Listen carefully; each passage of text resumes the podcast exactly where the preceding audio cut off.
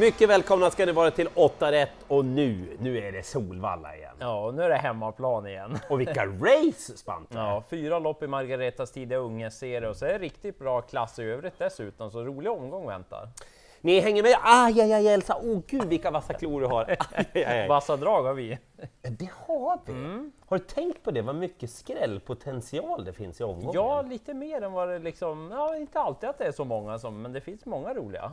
Alltså, det här ska bli roligt. Vi börjar i V86 första avdelning och här är det ju helt fel. Jag tror att spelet kommer att skifta ände ganska så mycket. Du kan mm. plocka fram den där. Ja, tar vi fram Akta Elsa bara. Ja. Eh, både för nummer ett Gina Lollobrigida och nummer två Swisha. Och det har ingenting att göra med att det är dåliga hästar. Mm. Tvärtom, mm. det är kanonpollar. Ja. Problemet är att det här är en spårtrappa, det vill säga att nummer ett har tjänat minst pengar, den jag tror allra mest på, nummer åtta, Svesak Palema, som gör debut för Björn Goop, som vann E3-revanschen för Ston eh, som treåring då, mm. som har gjort flera kanonlopp. När hon tävlar på topp, då bara dörnar hon ju iväg mm. 12 tider över full distans. Ja, jag gillar henne. Amerikansk sulky, mm barfota runt om. Ja. Hon är startsnabb, mm. hon har ett övertag i rutin och intjänade pengar. Mm. Jag tror jättemycket på Svesak Palema och är Björn Goop nöjd i uppvärmningen, då spikar jag den hästen. Ja. Men jag vill nämna för er att hästarna 6 och 7 står ju också fördelaktigt in i loppet. 7 Iceland Radio, hon gör nästan aldrig ett dåligt lopp. Och 6 Hazy Shade of Winter, äntligen blev det seger senast. Startsnabb, lättplacerad, André Eklund har bra form på sig själv och sina hästar. Det har han definitivt. Så tänker jag i VTO 6-1. Avdelning 2 sen så är det ju rätt favorit, det tycker jag, i 5 Irv set. Mm -hmm. Men när mhm. vi spelar in det här, om det är så hög procent, då får han ju den. Är det en jättestor varningstriangel? Ja, för han borde ju få gå utvändigt ledaren som stor favorit och då är det ändå lite upp till bevis. Det är över 60 procent när vi spelar in. Sjunka till 38 kanske. Jaha. Då är det mer okej. Okay. All right. För Jörgen Westholm har bra form på stallet, mm -hmm. det har vi sett ett tag. Och jag, eh, fyra Lefty Gun, det är mitt drag i loppet. Va, vad har vi på Lefty Gun? Jag har gjort det helt okej okay egentligen i början, okay, men ingen sån där som man kanske har tagit till sig för mycket. Nej. Men bra på slutet, två raka segrar, fint intryck och så sätter Westholm på den där amerikanska sulken nu som det verkar. Kan någon plocka fram statistik? Första gången med Westholm i sulken i en amerikansk sulke på en ja. egen tränad häst. Ja, det hade varit intressant för jag tror att det är väldigt bra mm. träffprocent på det. Fin form på Lefty Gun som dessutom är startsnabb och spår invändigt om favoriten. Så att det, det lär vara upptaget i front, det tror jag. Så den kan mycket väl leda runt om, men man fräck kanske man spikar emot favoriten rent av. Men ja, då ska man vara väldigt fräck.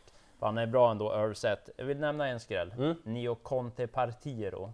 Den har du hållit på med lite mm. grann, Två galopper på slutet, det är ju inte så bra. Men kapaciteten, den är däremot god. Jag läste att Pasiaiko eventuellt skulle skifta huvudlag den här gången.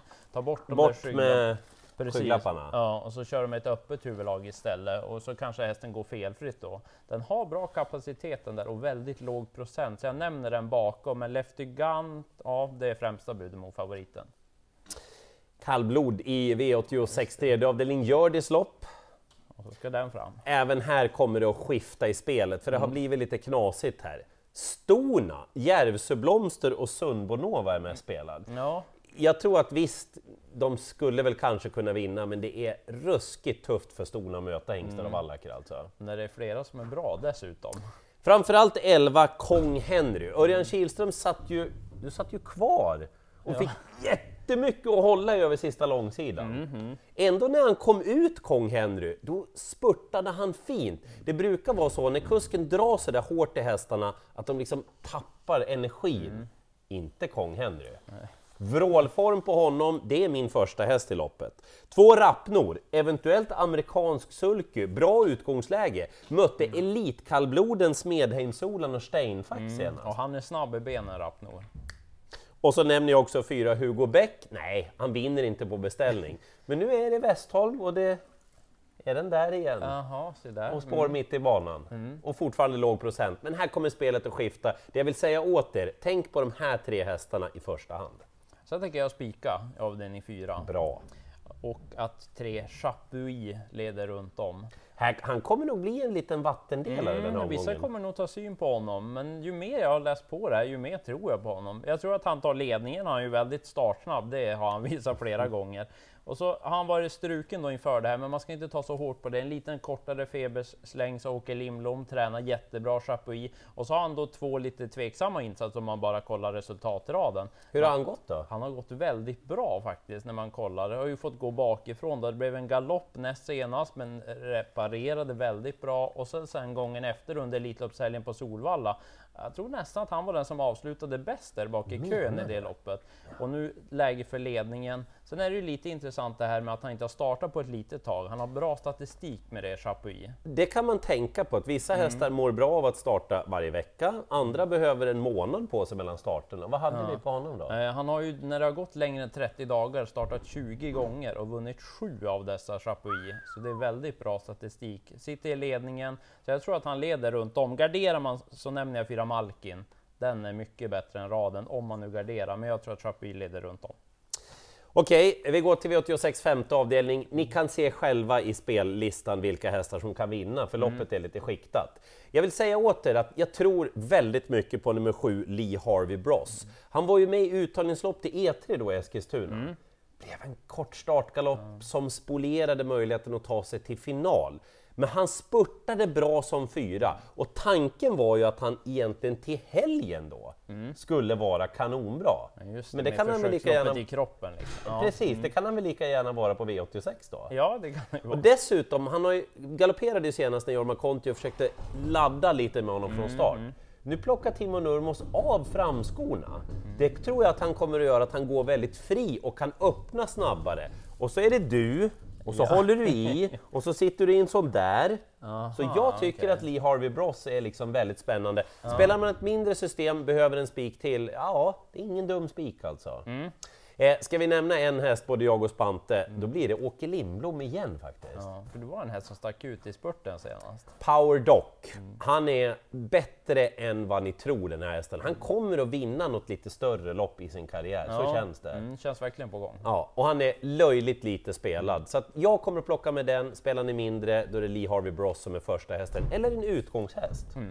Och sen har vi en bra favorit sen i avdelning 6, men ändå sådär så att jag vill gardera. Jag gör ju oftast det när Ailey Miss Sisu startar. Man har ju några sådana där som man ganska ofta garderar. Mm. Sen vinner de ju lite då och då, men inte varje gång heller. Lite Så att, för ofta för plånboken kanske. ja, tyvärr. men det kan ju vara så lätt att hon leder runt om, men jag tycker att hon möter väldigt bra hästar. Så just- Jädra! Hon skulle rulla lite grann där nu bara. Hon bor normalt sett på halm och nu fick hon komma in i en spånbok så då var det lite tjosan hejsan här. Ja, hon blir väldigt fin. Ja. Men gardering på Ailey Miss Sisu, just för att det är bra hästar emot nämligen. Startsnabb, kommer till ledningen, men jag gillar de här andra.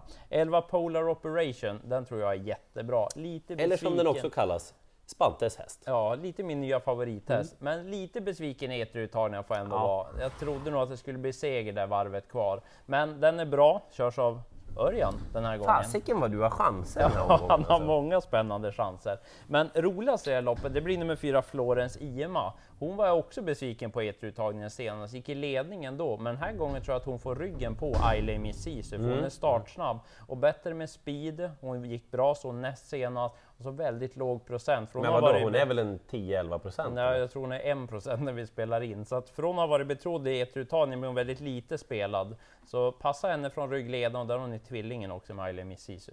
Gott så.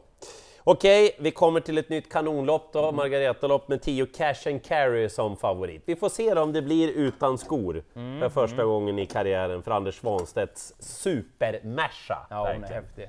Alltså, vi vill verkligen säga det, och ni vet ju det ni som har följt 8 rätt. Vi älskar den här hästen. Och vi älskar också tänket från Anders Svanstedt. Lugnt och fint och ingen brådska.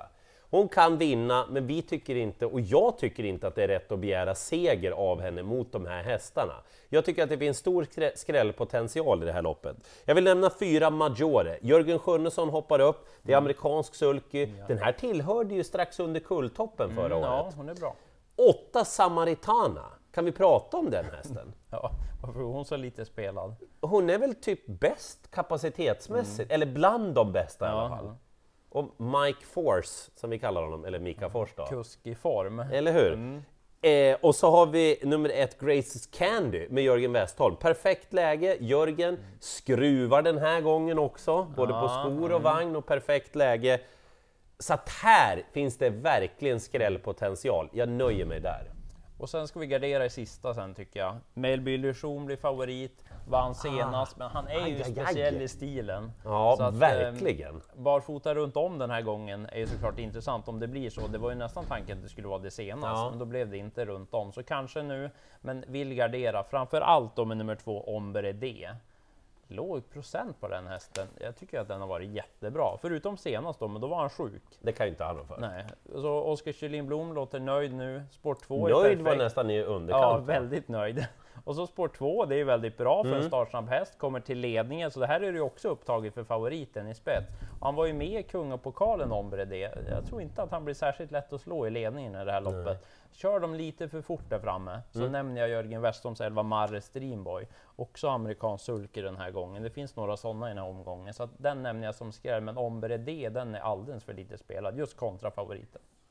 Det är ju väldigt många som skruvar på utrustningen, det är höga första pris i Margaretaloppen, kanonlopp rakt igenom. Jag har ingen självklar spik, men jag tror otroligt mycket på Svesak Palema och så Lee Harvey Bross då. Chapuis runt om och glöm inte den där Florens Ima från ryggledaren. Och glöm inte att ha trevligt i TV-soffan också, bland alla härliga EM-matcher. V86 startar 19.20.